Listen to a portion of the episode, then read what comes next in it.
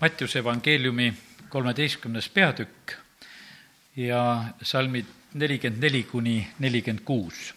seal on kaks lühikest tähendamissõna ja loeme need kõigepealt.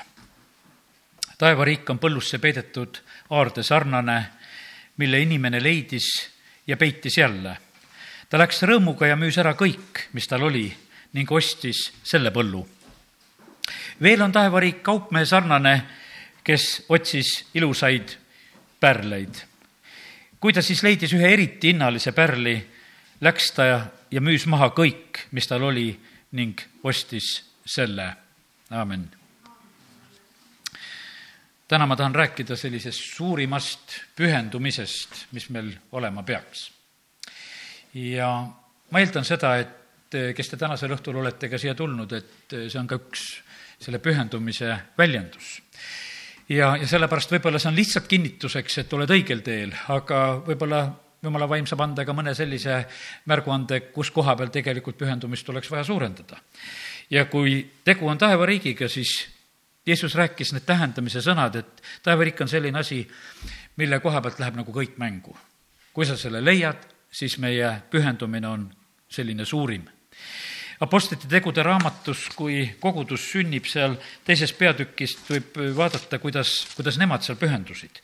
ja, ja see on, ma usun, meile ka selliseks väga eriliseks kohaks, kuidas, kuidas jumala rahvas esimesel hetkel elas, kui nad tulid päästmisele ja teise peatüki neljakümne viies salm sealt edasi, nelikümmend neli ka loeme juba. kõik usklikud olid üheskoos. vaata, kui inimesed tulevad Jumala riiki, see toob inimesed kokku. kõik usklikud olid üheskoos. ja kõik oli neil ühine. omandi ja vara nad müüsid ära ning jagasid raha igale ühele sedamööda, kuidas keegi vajas. Nad viibisid päevast päeva ühel meelel pühakojas, murdsid leiba kodudes ja võtsid rooga juubeldades ning siira südamega kiites Jumalat ja leides armu kogu rahva silmis. issand aga lisas päästetuid päevast päeva nende hulka hiljuti üks pastor ütles seda, et inimene on ainukene, kes siin selles maailmas oma elamise eest maksab, jumala loodust, mitte keegi teine ei maksa elevant on igavene suur ja mitte midagi ei maksa, muudkui elab, eks, ja sööb. aga, aga inimene on ainukene, kes tegelikult maksab. ja, ja sellepärast, kui ma korraks nagu mõtlesin siin selle ülistuse ajal, et, et alguses oli kui seal Eedeni aia periood oli, no seal ka ei makstud, seal ei olnud juttu, et rahast, et kuule, Aadam käis ja kurtis, et kuule, et raha on otsas, et isa, kuule, et raha oleks vaja, et anna mulle veel, et ise osta.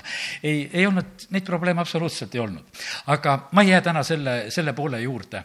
aga ma tahaksin just nagu, meie praegusel hetkel on niimoodi, ma ei räägi täna mitte ainult rahast, et äh, siin olid need võib-olla need tähendamise sõnad küll tõid nagu sellise, just sellise ostmise ja müümise pildi meie silmade ette ja, ja kus läks raha mängu ma ei, ma ei räägi mitte ainult sellest, vaid meie pühendumine ei ole mitte ainult rahaga, meie pühendumine on samamoodi ka selle ajaga. samamoodi näiteks, et kui sa oled tänasel õhtul võtnud selle aja, tegelikult sa oled selle aja andnud, sa paned nagu muud asjad kõik kõrvale. sa annad, sa pühendad selle ja te, selles on samasugune tegelikult ju väärtus on ju selle sees. ja sellepärast kiitus Jumalale, et, et eh, me oleme võinud täna selle otsuse teha. aga oleme korraks veel tagasi nende samade tähendamissõnade juures. Eh, millest seal siis juttu oli? Põllusse peidetud aare, inimene leiab, peidab selle jälle ja ta läheb ja siis äh, müüb kõik, et osta endale seda põldu. Noh, ütleme, et vanast ajast juba seletati seda tähendamissõna nii, et, et vanasti oli peidupaigaks oli põld, sõdade eest asju peideti, kaevati maa sisse ja siis oli võib-olla niimoodi, et vahest unustati äragi, võib-olla olid vahest need inimesedki surnud, kes olid peitnud ja siis põllul töötajal oli vahest see efekt, et sa kaevasid ja äkki läks kolksti millegile asjale vastu. ja siis oli põnev, et mida sa leidsid, võib-olla leidsid terve rahapaja, et sul oli sealt saada küll ja küll. ja nüüd on niimoodi, et aga see kuulus sellele, eh, kelle põld see oli ja sellepärast oli nii, et see pilt räägib sellest, et, et inimene, kes siis seal põllul töötades, eh, tabab ära, et selles põllus on suur väärtus, katab selle kinni ja ütleb, et kuule, et ma tahan selle põllu ära osta, ma ei taha ainult siin kaevata, vaid ma tahan päriselt seda põldu endale. ja ta ostab selle põllu ja, ja on väga rõõmus, et ta saab sellisel moel selle varanduse endale. või teine oli siin sellest, et on üks kaupmees, kes siis otsis ilusaid pärleid, on eesti keeles öeldud. Vene keeles on öeldud, et, et kellel oli juba tegelikult palju häid pärleid, kes omas tegelikult, tal oli hea pärlite kollektsioon tal ei olnud mitte niimoodi, et käis ringi, vaatas ja otsis ja tegelikult tal oli väga palju häid pärleid. ja siis ühel päeval ta leiab eriti hinnalise ja selle tõttu ta müüb kõik teised maha, et saada seda ühte ja erilist ning ostis selle. nii et selline väga maksimaalne selline pilt selle kahe tähendamise sõna koha pealt, et kui jutt on taevariigist, et kuidas selle juures nagu kõik tuleb mängu panna. ja sellepärast tahaks soovida seda samamoodi ka, et, et meie pühendumine võiks olla suur. kui meie pühendumine on mingis asjas väikene, siis, siis tuleb samasugune vili sealt. Andrei Zapovalov ütles, et tema kunagi proovis ka börsil ühesõnaga raha teenida. ja ta pani mingisuguse raha sinna ja, aga siis see raha läks kaduma. ja siis ta küsib ühe oma sõbra käest, kes seda börsiasja paremini tundis, aga ütles, aga miks minuga niimoodi läks, et minu raha läks lihtsalt kuskile. ja see vastas, et see raha läks sellele, kes oli rohkem pühendunud. et see oskas selle sinu raha ära võtta. ja sellepärast, ja kui me teeme ilma sellise pühendumiseta, kui me teeme selliselt pinnapealselt, siis tegelikult me võime jumala riigis ka ilma jääda siin on vaja samamoodi tegelikult teha sellise täieliku pühendumisega. Need, kes börsi peal saavad suured rahad kätte, Nad investeerivad sellesse väga palju tegelikult, et teada saada, mis seal börsil toimub, et ette ära aimata, oma mõistusest jääb väheks, võetakse sõbrad ja, ja igasugused noh, ütleme variandid appi, et ära tunda ja mõista, kuhu suunas asjad liiguvad, et olla õigel ajal õiges kohas ja osta need õiged aktsiad ja, ja saada kätte neid asju. ja sellepärast seal ei saa samamoodi ilma pühendumiseta. ja, ja sellepärast osad inimesed on niimoodi, et nad noh, ütleme, jagavad oma riskisid, kui täna rääkida nendest väärtustest, et kuidas me käitume vahest, et noh, paneme siia-sinna, et asjad oleksid hästi laiali. et siis on kuidagi nagu kergem ja parem, et me ei kuku läbi aga tegelikult siin oli räägitud sellisest pühendumisest, et ei jää seda B-varianti. sa ostad selle põllu kõigega, mis sul on, sa annad ära kõik. Või sa ühe pärli pärast oled valmis kõigest loobuma ja see on võib-olla ütelda, sellises mõttes võib tunduda samamoodi, et kuule, et imelikud te olete, selle jumala riigi pärast olete nii palju valmis ära andma, et, et kõik. et te annate kõik, et te pühendate ennast nii, nii võimsalt, aga jumal ütlebki, et jah, oma sõnas, et, et nii see just eh, tegelikult peakski olema ja, ja et me ei jätagi endale taganemise teed, et me ei jätagi endale nagu teist võimalust, et, et meil on mingisugune asi. no ütleme, et liikluskindlustus, ma usun, et noh, enamuses, kes meil autod on, meil pole pääsu, lihtsalt ei tohi sõitagi muidu, kui pole liikluskindlustust, eks. aga, aga kui palju on sellist, noh, ütleme sellist elukindlustust, palju on neid muid kindlustuse liike? no paljudel on need lihtsalt selle tõttu, kui sa oled võib-olla mingi noh, ütleme laenu all või, ja siis on nagu sunnitud, et sa pead neid, neid asju tegema. aga, aga sellises sellises mõttes, et, et kuhu sa julged nagu kindlustada, kas sa julged kindlustada, et jumal on minu kindlustaja, ma olen tema riigis ja, ja minu kindlustamine on nagu sinna pandud, et ma ei, ma ei hakkagi kuskile mujale seda investeeringut tegema. Äh, see on, see on tegelikult, on selline usu küsimus, et, et kuidas meie oma elus käitume. Ja, ja jumal tegelikult äh, seda näeb. Jumal tegelikult seda näeb, et, et kuhu meie oma kindluse nagu rajame. Ja sellepärast jumal te-, tegelikult, ma usun, on väga rõõmus sellest, kui ta näeb sedasi, et, et on need inimesed, kes tegelikult usaldavad ta sõna, kes usuvad seda, et, et jumala riigi kaudu on kõige parem kindlustamine ja, ja sellepärast, aga ma ei jää ka siin eh, selle mõtte juurde praegu jätkama, kuidas on nende meie maiste kindlustamistega ja nende asjadega. aga täna me räägime Jumala riigist ja, ja selle koha pealt on küll nii, et tahan rääkida, et olgu see pühendumine suur. ärgu olgu nii, et suveaeg annab kuidagi nagu noh, nagu tagasi, et kuule, et me võime nagu tagasi anda. ei, ei ole mitte mingisugust põhjust. ei ole mitte mingisugust põhjust tagasiandmiseks. sellepärast, et jumala riik on täpselt sama koha peal, see sõna täpselt kehtib ja, ja meie pühendumine ja asi jäägu jätkuvalt sa-, sama suureks ja, ja sama võimsaks. Ana-, Ananias ja Zafira ütleme Apostlite tegudest natukene edasi loed, nemad panid muist kõrvale. Nad ei suutnud nagu päris kõike, kui nad nägid küll, et teised teevad niimoodi, et müüvad kõik ära ja toovad Apostlite jalgade ette, nad mõtlesid, et kuule, et no pistame ikka kuskile midagi endale kõrvale ka. ja, ja, ja tegelikult noh, ütleme, et see kõik, mis on meie käes, see on ju meie käes kõige suurem viga oli selle juures kindlasti, et nad valetasid. ja, ja aga kallid, aga see, mis on meie käes, sellega tegelikult jumal näeb, kuidas me üldse käitume.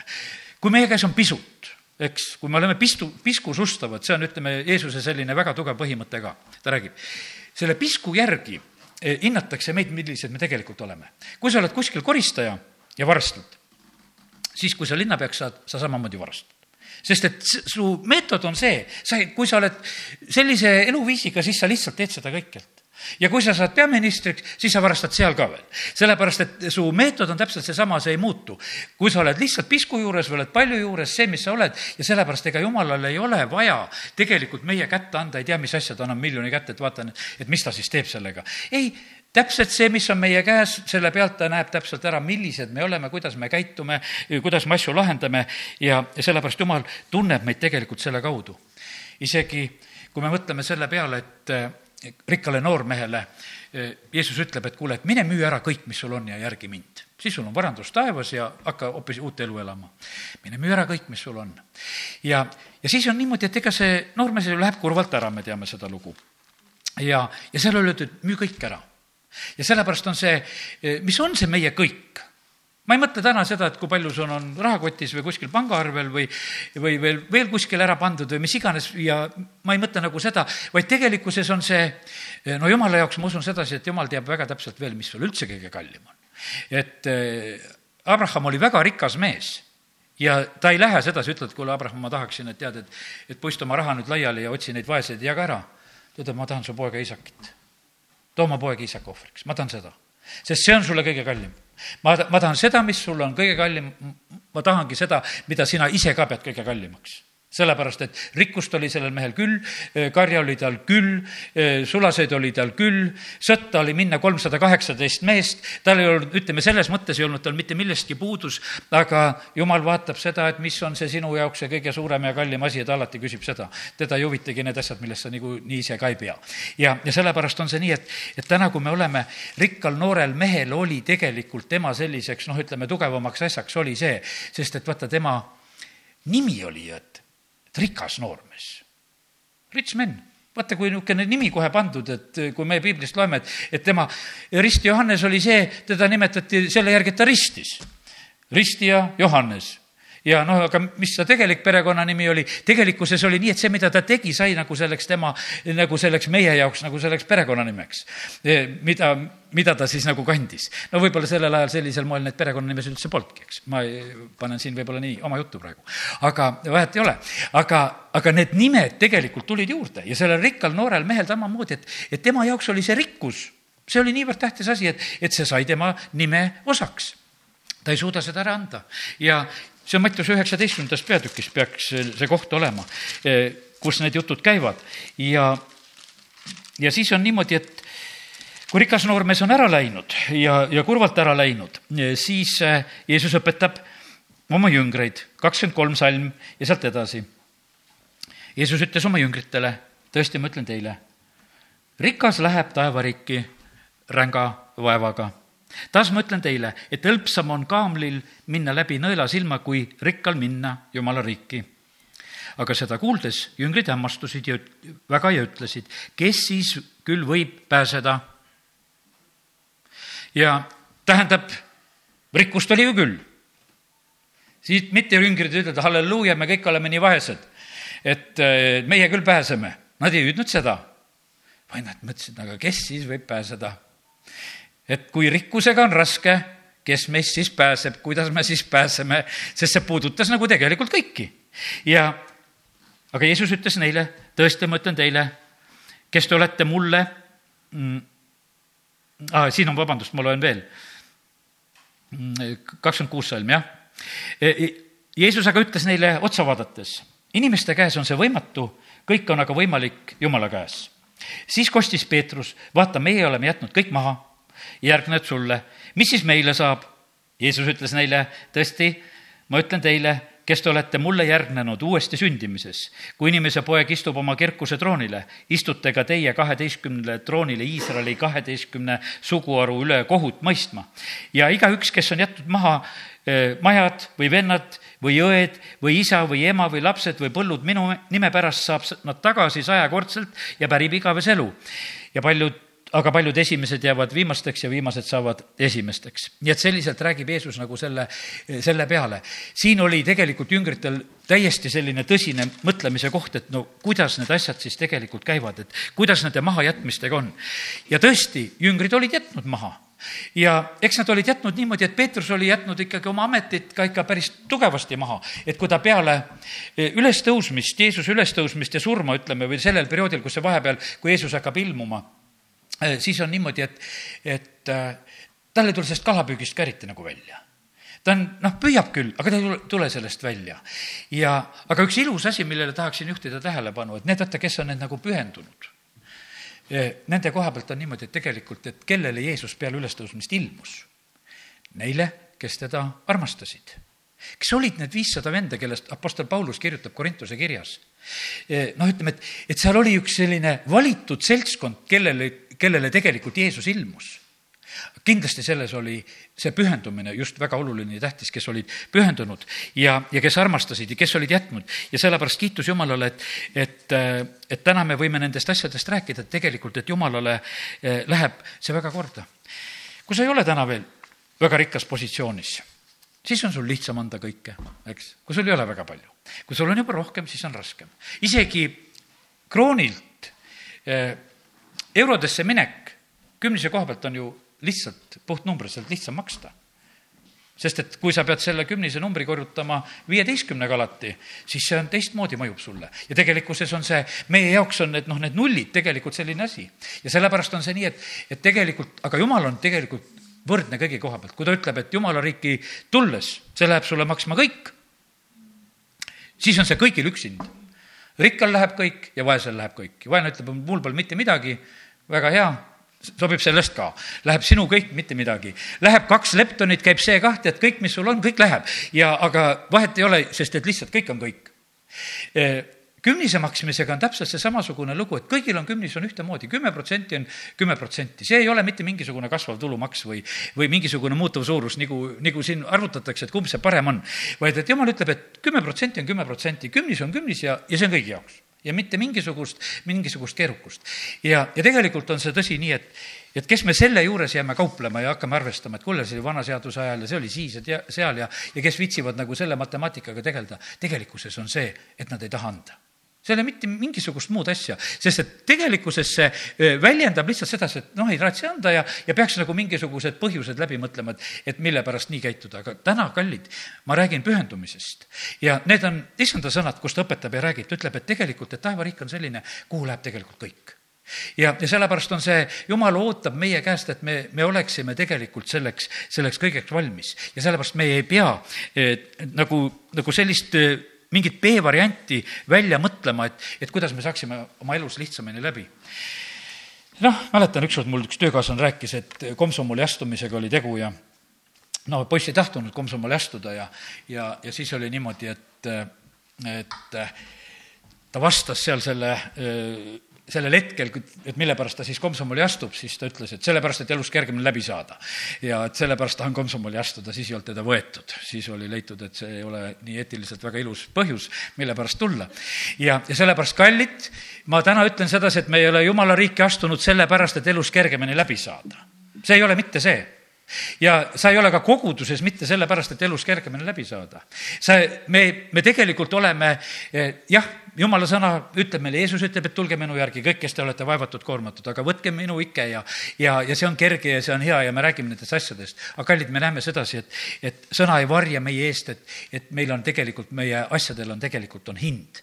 see meil on vaja maksta tegelikult seda hinda ja meie ei pea tegelikult seda, seda kartma teha, vaid et me peame tegelikult seda püüdma väga innukalt teha. toome mõned sellised äh, näited sellised, et kuidas, äh, kuidas edukas ollakse. ja üks hea näide on meile Vanast Testamendist Joosep. ja Joosepi elu esimene Mooses kolmkümmend üheksa peatükk, need Joosepi, need lood, millele siin täna tähelepanu juhin Joosep viiakse alla Egiptusesse ja egiptlane Potifar, Vaaro hoogkondlane, ihukaitse pealik, ostis tema ära siis ismaliitidelt, kes olid tema sinna toonud. ja, ja issand on Joosepiga. tema oli mees, kellel kõik asjad korda läksid ta elas oma isanda egiptlase kojas ka tema isand nägi, et issand oli temaga ja et kõik, mis ta tegi, issand laskis tema käes korda minna. ja Joosep leidis armu tema silmis ning ta teenis teda ja ta pani tema oma koja üle ja kõik, mis tal oli, andis ta eh, tema kätte.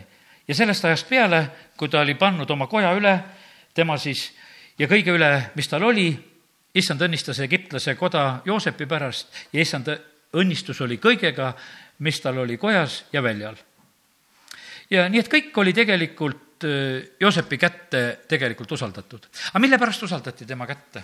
sellepärast, et ta tegelikult oli hoolikas mees.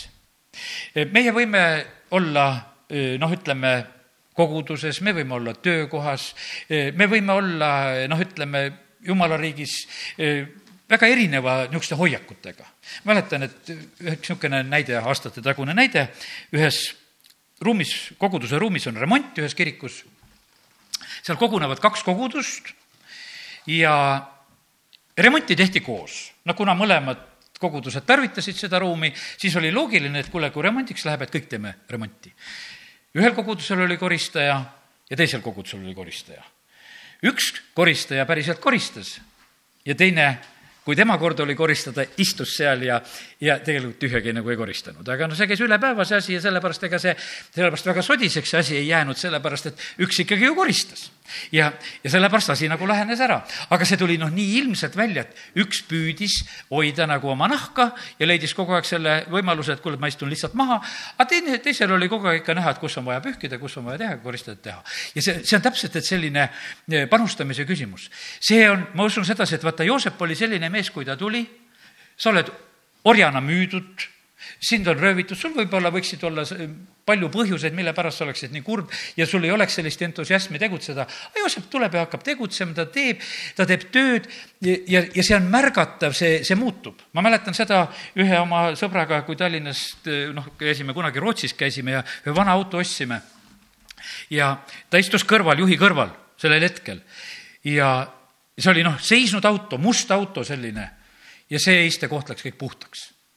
Ja siis me varsti ütlesime, kuule, vaheta kohta.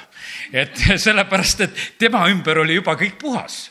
sellepärast, et ta oli selle salvrätikuga kõik aknaääred ja, ja kõik kohad puhtaks teinud ja ukseääred ja, ja kõik oli niimoodi, et üks koht läks autos ilusaks. siis me leidsime, et kuule, niisugune mees peaks istuma teise koha peal ka, et siis oleks auto läheks üldiselt ilusamaks. ja, ja sellepärast, ja see on märgatav, kelle ümber hakkavad asjad ilusaks minema mina istusin ka sealsamas autos, minu ümber ei läinud seal ilusamaks. aga, aga, aga mina lihtsalt märkasin, et teise juures läheb ilusamaks. ja, ja, ja sellepärast, kallid, nii see on, et Joosepi juures märgati samamoodi, et ta ei hoidnud tagasi. ja sellepärast on täna on tegelikult, ma ütlen seda sõna, et, et kus sa praegusel hetkel oled, sellega sa määrad oma tulevikku. sa võib-olla ootad oma tulevikku vahest on see kogudus ka niisugune huvitav koht, et inimesed mõtlevad, et, et ma tulen siia ja, ja, ja võib-olla vaata, mul prohveteeringuid on ka ja siis kunagi tuleb üks suur ja võimas asi ja millal see tuleb. aga tegelikult tead, see sinu suur ja võimas asi tuleb sulle siis paremini kätte, kui sa selles hetkes, kus sa oled, tegelikult väga hästi tegutsed. Joosep tegutses niimoodi, nagu oleks see Potiferi koda tema elus viimane koht ja sest, et ei tema, mis siis, et unenäod olid, et isad-emad ja kõik kummardavad ja, ja vägev värk ja kõik ja no kuule, isad-emad on kaugele jäänud, eh, vennad on ka, tead, eh, noh, praegu olen siin, no jõuan mina nende kummardamist oodata, millal see tuleb. ja, ja sellepärast on niimoodi, aga ma elan praegusel hetkel siin ja ma teen oma, oma parima ja tegelikult seda märgati ja see tõi talle üle, ülendamise. no siis juhtub selline uh, uuele tasemele minek ühel hetkel, sest see naine seal suutis selle asja ära vingerdada niimoodi, et tuleb uus edasiminek ja see uus edasiminek oli tegelikult vanglasse. ja sellepärast me vahest tegelikult va-, väga ootame edasiminekut. oota edasiminekut, aga kas sa tead, võib-olla see sinu edasiminek on vangla. sa ootad edasiminekut. ja no see ei, see oli tegelikult, oli see nagu tagasiminek.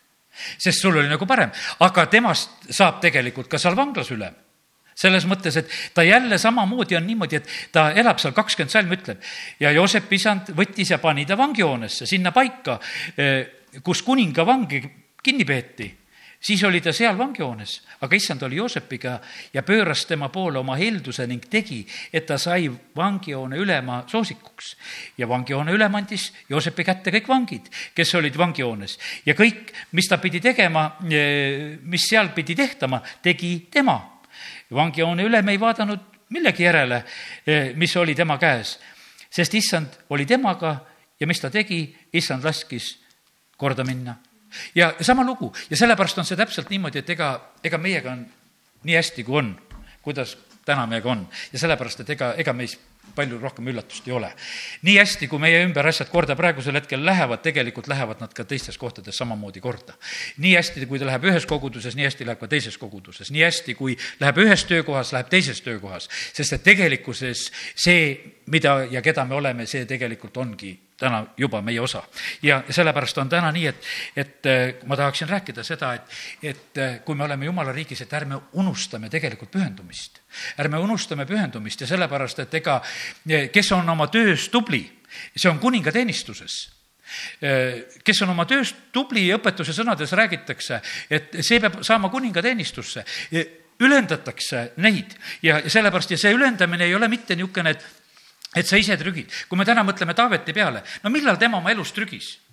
kus ta trügis, et no kuule, ära võiti ja karja läks tagasi et tehke rutem see võitmine ära, et mul on karjas praegu tegemist küll ja äh, ärge palju selle asjaga mind praegusel hetkel segage.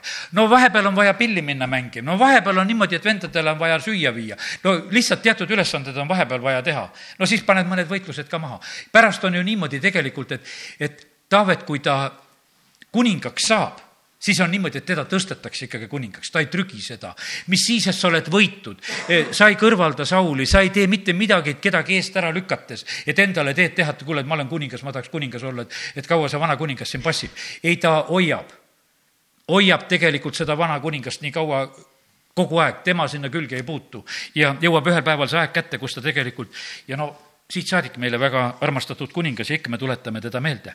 ja, ja sellepärast see on see nii, et, et äh, täna lihtsalt tahaks rääkida seda, et, et seal, kus me tegelikult oleme, oled sa siis karjas või, või oled sa koristaja või oled sa kes tahes, me te, peame tegema tegelikult oma igas sellises mm, äh, paigas nagu oma, oma parimat äh, teate, samamoodi on niimoodi, et, et kui ma, ma ise näiteks täna, ma mõtlesin, ma jutlustan ja see praktiliselt jääb niimoodi ma pean andma oma jutlusest parima ka tänasel õhtul mul ei ole niimoodi, et ma hoian, et noh, tuleb mingisugune, et järgmine jutlus. tegelikult on see niimoodi, et ma ei saa ennem sellest jutlusest lahti, kui ma olen selle täna ära rääkinud.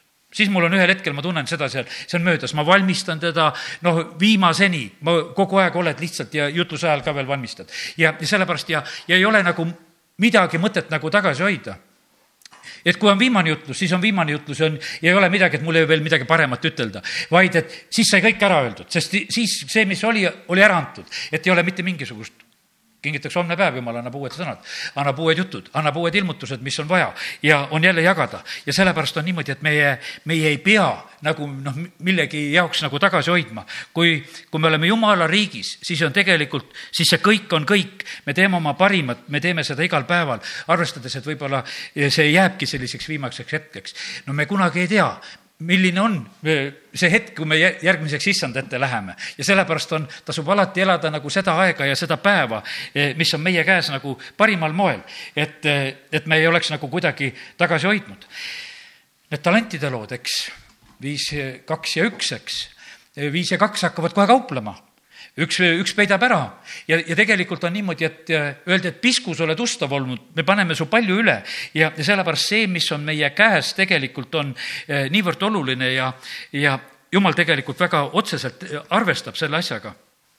Sportlased panevad kõik, kui me nüüd ütleme Uue Testamendi neid pilte, jooksja pilt, mida Apostel Paulus tarvitab, eks, no ta paneb kõik Nad panevad kõik selle sisse, nad jooksevad, nad pühenduvad täiega selle peale. Nad elavad äh, selle nimel, et sporti teha ja saavutusi saada. ja, ja see, ja sellepärast on see nõnda ka, et, et tegelikult Jumal paneb tähele ka, kuidas meie äh, tema riigi jaoks tegelikult oleme elamas. no Jumalal on õigus igal juhul seda, seda kõike meie käest oodata. tema, kes ei säästnud oma poegagi, ja tegelikult on teha sedasi, et Jumal on ka praegu kõike tegemas ühe asja nimel et meid päästa siit sellest maailmast, et eh, taevariigis oleksid inimesed. Jeesus on isa paremal käel ja palvetab, on eest kostmas meie eest. tal ei ole mitte mingisugust, et kuule, et no praegu on niisugune vaba aeg, et, et mul ei ole midagi teha, ta mõtleb, et kuidas ma selle rahva siit sellest maailmast kätte saan. ta valvab, ta palvetab, ta ootab sellepärast, et tegelikult tal on üks eesmärk, ta on pühendunud selle peale. ja, sellepärast ja ma usun, et isa ja poeg tunnevad suurt rõõmu, kui ta leiab, et, et siin selles maailmas on samamoodi neid eh, inimesi, eh, kes tegelikult nagu sellele asjale pihta saavad ja, ja on valmis nagu selles protsessis nagu edasi minema. ja, ja sellepärast ja mõtle ühte asja veel, eh, mis tegelikult üldse praegu ka koguduse keskel ja mis iganes toimub. Andrei Zapovalov ütleb, et, et on praegusel hetkel ka niisugune tuulte ja tormide aeg mis, mis katsub, mis katsub ka just jumala rahvast. ma siin tõin paar seda, noh, mis, mis kurjad vaimud on välja läinud, pühapäeval nimetasin, aga, aga praegusel hetkel on ka see, kui sul on juured sügaval, siis tegelikult sa püsid siis tuuled ja tormid sind ära ei võta. kui su alus on tugevasti, siis sind ära ei võta. kui sul juuri all ei ole, siis tegelikult vaata, mets langeb maha ka tead kergesti, kui, kui need puud, mille juured ei ole sügaval, lihtsalt murduvad, murrab selle mullatüki keset lahti ja oleme seda murdunud metsa ka näinud. aga see puu, mis on sügavate juurtega, see tegelikult jääb püsima, jääb seisma ja sellepärast on nii, et on aeg, kus me peame tegelikult äh, seisma kindlalt, saama tugevaks ja, ja, ja sellepärast on nii, et seda jumala riigi asja, nagu me näeme, et, et seda tuleb võtta pühendumisega, seda tuleb võtta väga otsustavalt, siis äh, lähevad asjad hästi. ja siis jäävad tegelikult, vaata, nimed paika. piiblis on nimedega raamat. vanas testamendis on mehed, uues testamendis on mehed ja praeguse aja kogudustes on mehed, kellest räägitakse ja räägitakse ja Martin Lutherist ja räägitakse Weslist ja, ja siis baptistid ütlesid, aga vaata, meil on ikka niisugune hea liikumine, et me ühtegi inimest kõrgele ei tõsta ja, ja vaata, meil, meil on ikka hästi, et meil ei ole ühtegi niisugust. ja see on baptistide jutt, ma tean sedasi, et see on meil tähtis värk, et meil pole ühtegi tähtsat nime, keda me ütleme. aga tegelikult Jumal tahab me nimesid jumal on valinud apostlid, on valinud prohvetid. jumal ei häbene ei Noad, ei häbene Abrahami, ta ei häbene Jakobit, ei Iisakit, ta ei häbene. ta tahab olla meie jumalaks, ta tahab olla nimepidi meid tundmas, ta tahab meie nimesid eluraamatusse panna ja, ja sellepärast on see üks eh, puhas jura, kui hakatakse rääkima, et meeste nimed pole tähtsad on tähtsad, igal inimesel on nimi tähtis ja sellepärast ja jumal ütleb, et ma tahan nimepidi neid inimesi tunda. ja, sellepärast on need, need on samamoodi tähtsad asjad. jumal ütleb, et neil on Mooses ja prohvetid, kuulaku nad neid. jumal ei lähe mööda oma sulastest, jumal ei lähe mööda nendest sulastest, kes on praegusel ajal tema poolt valitud. jumal ei lähe mööda nendest apostlitest ja nendest prohvetitest, keda ta on tõstnud, ta ei lähe nendest mööda. ta annab nende kätte sõnumid, ta annab nende kätte need pildid ja ta ei lähe nendest mööda. ingel tuleb taevast Korneliuse kotta ja ütleb, et sa lähed, kutsud Peetruse ingel oleks võinud ära rääkida, et kuule, et mis sul on vaja, et sul on püha vaimu vaja ja, ja teatud asju on teil siin vaja, tead, ja, ja, ja kõike on vaja. ei, sul on Peetrust vaja ja sellepärast on niimoodi, et jumal ei lähe inimestest mööda ja sellepärast meie tahaksime vahest jumala riigist saada, et saaks kuidagi inimestest mööda. ei saa inimestest mööda. kogudustes on karjased, ei saa karjastest mööda. ei, ei saa mitte kuidagi mööda. nii, nagu jumal on selle asja loodnud, siin selles maailmas on inimesed ja me ei saa inimestest mööda. ja me peame õdesid-vendasid armastama, me peame nendega hakkama saama, me peame oma pereliikmetega hakkama saama, me peame oma kodakondsete eest hoolt kandma, me peame oma naabritega läbi saama, me peame oma töökaaslastega hakkama saama, me peame oma halbade ülemustega töö juures hakkama saama. Need, nagu vanasti olid orjapidajad kes tegelikult ka halvasti seda tegid, aga orjad pidid kuulekad olema ja sellepärast on see nii, et jumal ei ole lubanud, et meie siin ela, eralduksime ja me oleme mingisugused eripühad, et kui me oskame hästi eraldi olla. ja sellepärast on see väga vale, kui me laseme ennast nagu ära kiskuda kuidagi, ütleme sellisest, usklikud olid üheskoos, said päästetud ja nad olid üheskoos ja sellepärast see on väga halb märk, kui tekib eraldumise tahtmine südamesse ja sellepärast täna äh, räägin sulle sedasi, et pühendumine on see, et usklik rahvas on koos ja, ja selle kõigega koos, mis Jumal on andnud. ja, ja sellepärast kiitus Jumalale, et, et äh, täna võime lihtsalt äh, neid asju üksteisele meelde tuletada ja see tuleb tegelikult, ma usun, meil igale õnnistuseks. nii et pühendumine kõiges, on see siis meie finantsid või on see, see meie ajas, see tegelikult on väga oluline ja tähtis asi. ja, ja sellepärast kiitus Jumalale, et Jumal tahab seda, et me, meie elus see oleks. ja sellepärast me ei pea kartma ka raskusi, me ei pea kartma ka koormaid, tegelikult need teevad meid tugevamaks. sest et kui meie elus puudub füüsiline koormus, see tegelikult teeb meid nõrgaks see ei ole meie õnnistus, kui meie elus puudub füüsiline koormus. võib-olla noh, saad kerge elukutse, et, et saad kontoris istuda, et see justkui oleks nagu mingisugune parem asi, aga see tegelikult ei ole, siis sa pead olema teistpidi hoolas, et oma füüsilise ihu eest hoolt kanda, et kas sa siis jooksed või harjutad või teed midagi. ja sellepärast on see niimoodi, et jumal on loonud, et niikaua, kui me oleme selles füüsilises ihus, siis füüsilisele ihule on koormus täiesti normaalne ja vajalik ja õige asi. Ja sellepärast on see nii, et, et kosmonaudid, kes vaata, on pikad kuud ära kosmoses, nende kondid lähevad nii pehmeks see telkhoone läheb nii viletsaks, et nad tulevad ja käivad pärast karkude peal. sellepärast need kondid jäävad lihtsalt nõrgaks sellel hetkel, koormuse puudumise tõttu, tõttu, et seda raskust ei ole. ja, ja sellepärast on niimoodi, et ära, ära karda selle pärast rasket kotti kanda. see tegelikult hoiab su liigeseid töös, see määrib need äh, kohad sul kõik ära ja, ja sellepärast on see niimoodi, et me vahest tegelikult noh, mõtleme, et me saame elus kergemini läbi, aga tegelikult jumal on pannud meile ka selle normaalse koormuse ja asja meie ihule ka peale, mis on tarvis. ja, ja sellepärast kõik need asjad on tegelikult eh, eh, väga, eh, väga omal kohal. nii et selles mõttes hoia, hoia oma ihu ka ja ära hoia ka selle koha pealt tagasi, sest see kõik tuleb tegelikult õnnistuseks ja kasuks. mis ma veel nüüd täna, tänasel õhtul jagaksin teiega, kui ennem lõpetama, nüüd varsti juba hakkan, kirikulostlastele ja ja seal mõned asjad ma lugesin. Ja see puudutab võib-olla sellist eh, koguduse pilti veel. see ei puuduta võib-olla niivõrd enam seda sellist eh, pühendumise teemat, aga ma olen siin lugenud nüüd viimastel päevadel lugesin Galaatia kirja ja nüüd lugesin kiri kolosslastele, et mõnda asja nagu tähele panna. Ja olen lugenud nagu sellise ühe sooviga, et nagu näha seda, millised ohud vali-, valitsevad jumala rahvast ja kogudust ja milliste ohtudest Apostel Paulus hoiatab.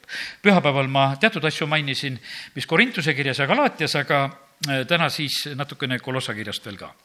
kõigepealt, kui Paulus kirjutab kirja, ta kirjutab selle kirja, kuidas ta algab. Paulus Jumala tahtmisel, Kristuse Jeesuse Apostel ja teie vend Timoteos pühadele, kes on Kolossas, ustavatele vendadele Kristuses. no pane tähele, kui öeldakse, et ustavatele vendadele Kristuses, no miks sa nii ütled, siis tähendab, kõik ei ole ustavad, kui sa üldse selle asja sinna ette paned, seal võiks ütelda, vendadele, kes on nüüd kõik, kõik vennad on armsad. üks pastor alati ütles, et kõik vennad on armsad. Ja oli tema selline ütlemine ja, ja ikka vahest kordad seda, et kõik vennad on armsad.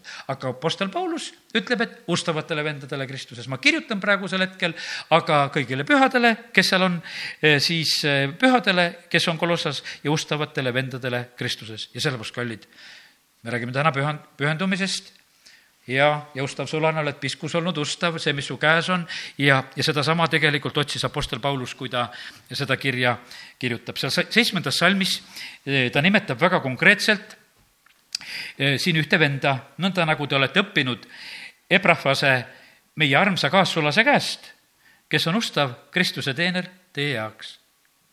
lihtsalt see tunnistus, et tema on ustav teener ja, ja teate, mis eh, juhtus selle armsa mehe kaudu? juhtus see, tema on, see ongi tema, kes meile on teatanud teie armastusest vaimus.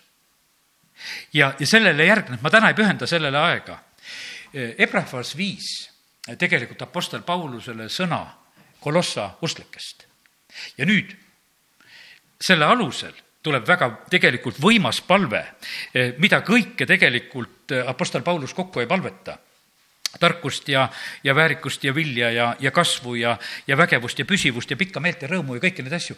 et eh, ma ei hakka seda, seda piirkonda lugema, aga tegelikult see üks selline, et keegi viis ja sellepärast on see nii tähtis, et kui me oleme palvekoosolekul koos, et me toome need palvesoovid me ei ole sedasi, et oo, vaimust tuli jälle mingisugune palvesoov ja jumal, juhi kõik meile palvesoove, värke, ei, vaid oli ebrahvas, kes tuli ja viis Paulusele selle soovi, rääkis ära, et Kolossas on sellised usklikud meil ja need on sellised ja Apostel Paulus, sealt tuleb tegelikult eh, võimas palve, nii et eh, ka palvesoovide toomise tähtsus. ja nüüd üks kakskümmend kolm juhin järgmine koht tähelepanu, kus on öeldud kui te vaid jääte kindlaks ja rajatuks usule ega lase end kõrvale viia evangeeliumis olevast lootusest, mida te olete kuulnud ja mida on kuulutatud kogu loodule taeva all, mille teenriks olen saanud mina, Paulus. Ja tead, see oht on praegusel ajal samamoodi. tahetakse kõrvale viia evangeeliumist. ja see on pidev asi tegelikult. ja tead, ega usklikku inimest ei saa eh, niisama lihtsalt kõrvale viia, siis on vaja suurema pühaduse poole viia. ja sellepärast on see, see on see nagu see põhiargument, et kuule, et midagi enamat. mul on midagi paremat, mul on kuskil midagi pakkuda ja, ja lähme sellepärast, et on vaja seda teha. aga Paulus kirjutab ja õhutab kindlaks jääma ja, ja ja ütleb, et nüüd on selline lugu, et jääge ja ärge laske ennast tegelikult viia kõrvale sellest, mis on evangeeliumis. kaks neli ta ütleb, et ärge laske endid eks-, eksitada eh, ilukõnedega. ma ütlen seda selleks, et keegi teid ei eksitaks ilukõnedega. ja ta on ise eemal ja ta räägib ja kirjutab sellest asjast ja ta ütleb, et see on see, selline oht on tegelikult olemas. kaks kaheksa ta ütleb, vaadake, et keegi teid ei riisuks tarkuse õpetuse ja tühja pettuse abil, mis vastavad inimeste pärimust, pärimusele, maailma algainetele ja mitte Kristusele. no vaata, kui mitu hoiatust tegelikult leiad, et kogudusel on oht evangeeliumist kergelt kõrvale hakata kalduma, siis on oht, et mingisugused ilukõned eksitavad, filosoofia tegelikult on see tarkuseõpetus, et tulevad mitte mingisugused mõtteviisid, millega hakatakse teid riisuma tegelikult, et keegi teid ei riisuks tühja pettuse abil ja ja Apostel Paulus peab järjest tegelikult nendest asjadest hoiatama. ja, ja siis on, teate, mis lõppeesmärk on? ära tahetakse võtta võiduandi. kaks kaheksateist, ärgu võtku teie võiduandi ükski, kes seda tahab alandlikkuse ja inglite teenimise kaudu ja, ja kes üle, üle, mis ta on näinud, asjata oma lihalikus mõistuses oopleb ega hoia kinni peast, kelles kogu ihu kokku liidetakse ja koos hoitakse kõõluste ja sidemete abil ning kasvab Jumala kasvamist. kallid, kogudus kasvab Jumala kasvamist. pane tähele seitseteist salm, kuidas lõpeb. aga Kristuse ihu on tõelisus. me tsiteerime vist seda salmi vähe, et, et kui Kristuse ihu on koos, see on tõelisus. ja see kasvab jumalast antud kasvamist.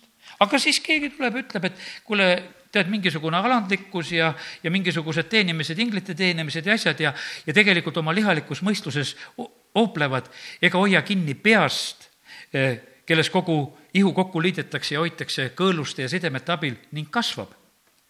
kui te koos Kristusega olete maailma algainetele surnud, miks te siis lasete endale teha korraldusi eh,, nagu elaksite alles maailmas? ära hakka kinni, ära maitse, ära puuduta. korraldusi tuleb tuleb korraldusi, kuidas elama peab. ja see on, ütleme, üsna selline tavaline asi, et, et hakatakse nagu seda elu korraldama, et seda ja teist ja kolmandat on vaja teha. ja, ja sellepärast on see nii, et, et, et ära tee seda ja seda peaks hoopis praegusel hetkel tegema. see kõik on määratud kuluma kasutamise läbi. Need on vaid inimeste käskimised ja õpetused, mis on küll tarkuse moodi, ise tehtud vagaduse ja alandlikkuse ja karmuse tõttu ihu vastu, aga millest ei ole mingit kaalu imude ohjeldamiseks. ja Apostel leiabki sedasi, et kuule, et, et igasuguste asjadega püütakse nagu noh, inimesi kinni võtta ja, ja, ja, ja panna nagu tegelema. Ja me näeme sedasi, et, et see alguse asi oli nii, et otsid jumala riiki, panustad sinna sada protsenti ja võtad nagu kõik. Ja me loeme sedasi, et, et inimesed hakkasid selle järgi elama ja seal ei tule mitte mingisugust hukkamõistu, et te, te olete valesti teinud, sest et jumal sai täpselt aru, mida need inimesed tegid. ja jumal täpselt eh, nende eest eh, siis oli vahvasti ka hoolitsemas. ja, ja sellepärast kõik need asjad, mis tegelikult tahavad kõrvale kiskuda, nendest me eh, peame eemale hoidma. ja nii, et olgu, olen täna sellise sõnumi jaganud. jumala riik ka sellel suvel on meie suurim selline koht, kuhu me paneme oma kõik ja oma parima ja tegelikult siis ma usun sedasi, et sügisel on veel rohkem. sellepärast, et, et jumal tegelikult seda märkab, kui me tahame edasi liikuda, siis, siis asjad liiguvad just sellisel moel. nii et ole väga õnnistatud, aamen. tõuseme ja oleme ka hetke palves. isa, me täname sind su sõna eest, me täname sind, Jumal, et eh, sinu riik tuleb, sinu riik valitseb ka siin selles maailmas, nii nagu sa oled õpetanud ja sellepärast, Jumal, me tahame, et see meie keskel, meie kodudes, meie koguduses üha suuremal moel oleks tegelikult kohal. ja sellepärast, Jumal, me palume praegusel hetkel, et meie oleksime need, et me selle taevariigi saaksime nagu kätte selle oma otsuse kaudu, et me oleme otsustanud seda vastu võtta. isa, kiitus ja tänu ja ülistus sulle ja et me oleme valmis äh, selle nimel nagu andma kõik. Jumal, me täname, kiidame, ülistame sind, et siin on see pühendunud rahvas ka tänasel õhtul, kes me koos oleme. ja ma palun, kallis püha vaim, et anna meile praegusel hetkel tarkust, kuidas reageerida ka sellele sõnumile täna ja ma palun praegusel hetkel, kallis püha vaim, et hoia igasugune valemoonutus ja pettus ka sellest sõnast eemal. isa, ma tänan sind, et ma tohin paluda praegusel hetkel ka kogudusele lihtsalt sinu kaitset ja varju. jumal, me oleme sinus, me kasvame seda kasvamist, mida sina, Jumal, oled pannud kasvama ja, sellepärast me ei ole mures, et see pääste on nõrk või vilets või halb. me täname sind, Jeesus, et sa oled oma vere valanud, sa oled lunastanud oma verega, sa oled meid nimepidi kutsunud. me nimed on eluraamatus, me täname, kiidame, ülistame sind, Jumal. me täname sind kõigi nende vaimuandjade ja kõige selle eest, millega sa oled kogudust varustanud. isa, kiitus ja tänu sulle. me täname sind nende inimeste eest, kellega sa oled kogudust varustanud. me täname sind, Jumal, nende sulaste eest. me täname sind, Jumal, nende eest, kelle, kelle kaudu me oleme saanud, Jumal, sinu sõna ilmutusi, mida me võime järgneda, mille kaudu me kogeme, Jumal, sinu juhtimist ja õnnistust. Jumal, me täname sind apostlite ja prohvetite eest, sinu sulaste eest isa, kiitus ja tänu ja ülistus sulle. me täname sind, Jumal, et, et sa oled nõnda kõige eest hoolitsenud, isa, kiitus ja tänu sulle. me täname sind, Jumal, nii Vana kui Uue Testamendi eest. me täname sind, Jumal, sinu vaimu eest ja me täname sind, Jumal, et me oleme võinud täna siin olla sinu ees ja kogeda, et Jumal, sina oled see, kes sa räägid, kes sa kõnetad ja kiitus ja tänu sulle. ja kadugu igasugune hirm ja kartus ka selle sõna kõik ees. isa, me võime sulle kõik tuua. me täname sind, Jumal, et sina ei jää meile võlgu. sina, kes sa ei säästnud oma armast poega, sa annad meile temast tegelikult kõik. me täname sind, Jumal, su püha vaimu eest. see tuletab meile meelde kõik, mida sina, Jeesus, oled õpetanud ja rääkinud. me täname sind, Jumal, et sinu vaim uurib läbi ka kõik sügavused, kõik Jumala sügavused ja, ja meie teame, mida sina meile oled tegelikult armust andmas. lihtsalt kiitus ja tänu ja ülistus sulle. me täname sind, Jumal, et me ei koba pimeduses, vaid sa oled meie teed valgustamas me täname sind, Jumal, et õigete rada on otse kui valguse paistus, mis läheb üha selgemaks, isa, kiitus ja tänu ja au ja ülistus sulle Jeesuse nimel, amin